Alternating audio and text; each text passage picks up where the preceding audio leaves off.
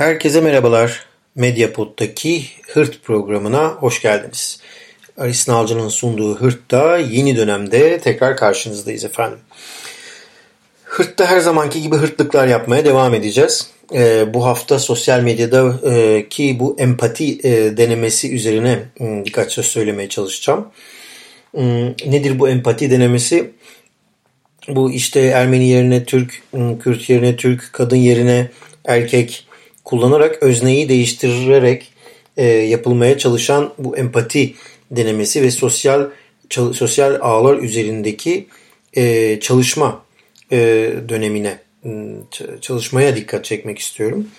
E, burada bu sosyal ağlar üzerinde e, yapılan bu çalışma aslında insanlar tam da böyle e, sosyal ağlara kanatlan e, kenetlenmişken e, çok da önemli bir e, durum içeriyor. Çünkü bir döneme denk geliyor. Çünkü herkes evde, herkes internete bakıyor. Herkes e, bir şeyler okuyor. E, ama gündelik hayatta ne kadar etkili olacak bunlar tabii onu e, tam da bilmiyoruz. E, aslında tam da bu noktaya değinmek istiyorum. E, bu yapılan bütün işte e, kadına karşı şiddetin e, işte öznesinin er, erkekleştirilmesi burada saldıranın değil de hani e, kadınlara söylenen e, bazı e, şeyleri yani onlara nasıl diyeyim erkek şiddetini çağrıştıracak şekilde kadınlar üzerine kurulan dilsel baskı yöntemlerini erkekleştirerek vermek e, işte ve bunu argosunu da e, yapmak ve bunun üzerinden hareketle aslında ezilmiş olan toplumun bir kısmını e, görünür kılmak ve onların sorunlarını görünür kılmak üzerine aslında bir çalışma bu. İyi bir sosyal çalışma diye düşünüyorum. E, yani şunu e, normal karşılıyorum ben. E, bu sosyal çalışmayı e, gerçekleştirmek zor. Yani yani Twitter'dan okuyacak da oradan e, okuduğunu anlayacak ve Aa bir dakika ben bugüne kadar Kürtleri, Ermenileri ezmişim, şöyle olmuş falan filan diye bunu milliyetçilik üzerinden anlayacak ve bunu gerçek hayata uygulayacak insan sayısının çok olduğunu düşünmüyorum. Ama gelin burada bir e, biz bir e, küçük şey yapalım, deneme yapalım. Bu çok affedersiniz Türk. Garup Aylan da tweetledi bunu. Çok affedersiniz Ermeni e, lafını çevirip yapmışlar. Ben de bu vesileyle eski bir yazıma bu çok affedersiniz Ermeni'nin e, başbakan olduğu dönemde e, e, şimdiki Cumhurbaşkanı'nın NTV e, yayınlarından birinde e, sarf ettiği bizim için çok affedersiniz Ermeni bile dediler şeklinde bir sözdü. Oradan hareketle biz bu Ermeniler, Rumlar, Yahudiler, Süryenler için denilen e, şeyleri Türkleştirirsek acaba nasıl olur diye düşündüm ve T24'te 2014'te yayınlanan bir yazıma baktım. E, Çirkin Ermeni, affedersiniz Rum ve Korkak Yahudi benim şeklinde bir yazıydı.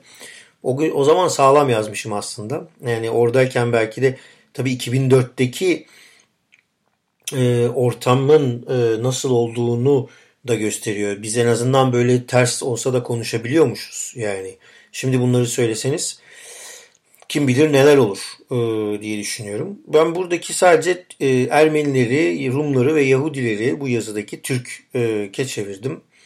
E, mesela o zaman hocalı anmasında, e, hocalı katliamı e, anmasında da e, radikal için yazmıştım. E, yine 2014 öncesindeydi zannedersem. E, o zaman da e, hocalı katliamında pankartlar açılmıştı hatırlarsınız. İdris Naim Şahin e, o zaman İçişleri Bakanı'ydı. Sonra ne kadar kendisini e, İçişleri Bakanlığı'ndan alsalar da e, sonuçta bu insan bir dönem İçişleri Bakanlığı yapmış ve Hocalı anmasında Ermeni piçler pankartlarının açılmasına izin vermiş. Hatta sahneden onları alkışlamış, görmüş, etmiş bir insan e, oluyor. Neyse düşünün ki bu anladaki bu pankartların yerine Ermeni yerine Türk olsaydı ne olurdu? Hani diyoruz ya e, bir e, ne diyeyim empatik yazı, empatik deneme yapıyoruz. Hani o yazılı Ermeni, Ermeni kelimelerin hepsini Türk yaptığınızı düşünün. E, 2011 seçimleri öncesinde de şu anki Cumhurbaşkanı bizimle ilgili yazılmış 30'u aşkın kitap var. Ki bu kitapların içerisinde bizim ne Ermeniliğimiz ne Rumluğumuz kalmış diyordu. Yani düşünün bizimle ilgili yazılmış 30'u aşkın kitap var ki bu kitapların içerisinde bizim ne Türklüğümüz ne Yahudiliğimiz ne de Kürtlüğümüz kalmış demiş ola ki olsun. Böyle okuyunca çok e, e, çok ağır e, oluyor. Benim için 2014'te yine Cumhurbaşkanı e, Cumhurbaşkanlığı seçimi öncesinde bu sefer benim için neler söyleyen oldu. Çıktı bir tanesi Gürcüdür dedi. Çıktı bir tanesi affedersin çok daha çirkin bir şey dedi. Türksün dedi diyor. Buradaki Türk Ermeni aslında. Yani Ermenisin e, demişlerdi o zaman. E, yani çok daha çirkin bir şey. İşte o çirkin Ermeni şimdi çirkin Türk oluyor. Şimdiki bu kampanyaya baktığınızda. Ya biraz ters oluyor. Yani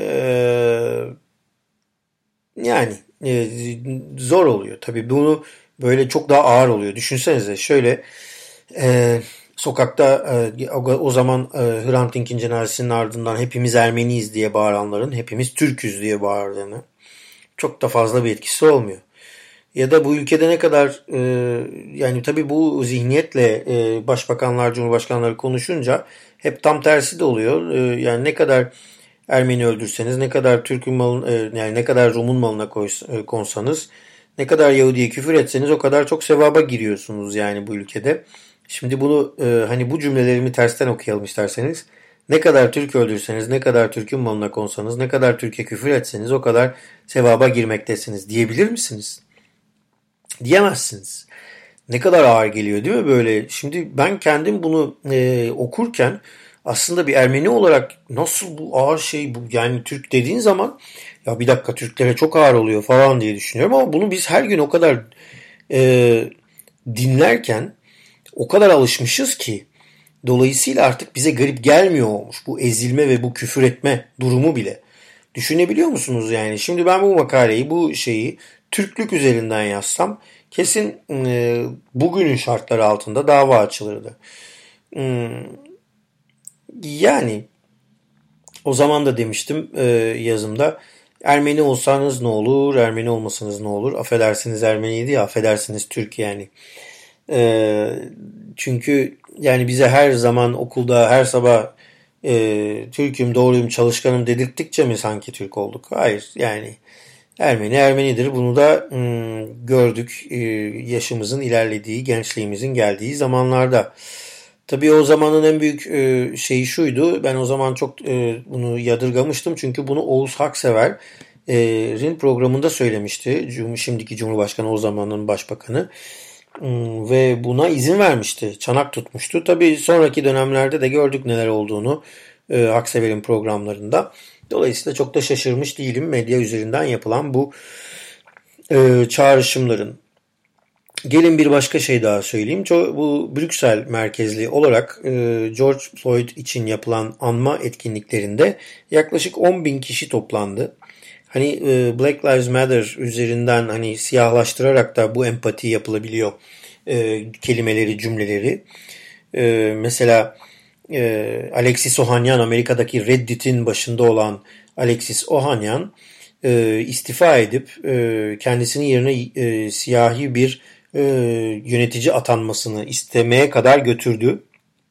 Bence çok önemli bir şey bu. E, bunu görmezden gelmemek gerekiyor. Diyelim e, ve buradaki Brüksel'deki bu anma etkinliklerinde bu e, anti rasist etkinliklerin sonunda da ne yazık ki dükkanlar yağmalandı. Bu bir taraftan da Burjuva'ya karşı bir ayaklanma oluyor. E, o olmaya başladı. Gucci, Versace gibi dükkanlar yağmalandı Brüksel'de.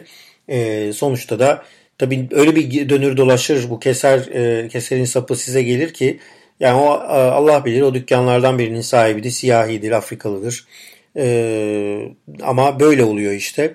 Dikkat etmek gerekiyor. Bu empati kurarken, kurarken bile e, bu cümleleri sosyal medyada yaparken bile bunun gerçek hayatta nasıl etkisi olacağını düşünmek gerekiyor. İnsanlar gerçek hayatta taş atarken o kadar çok düşünmüyorlar ne yazık ki diyelim. Yeni dönemin ilk programını bugün burada tamamlayalım. Haftaya görüşmek dileğiyle.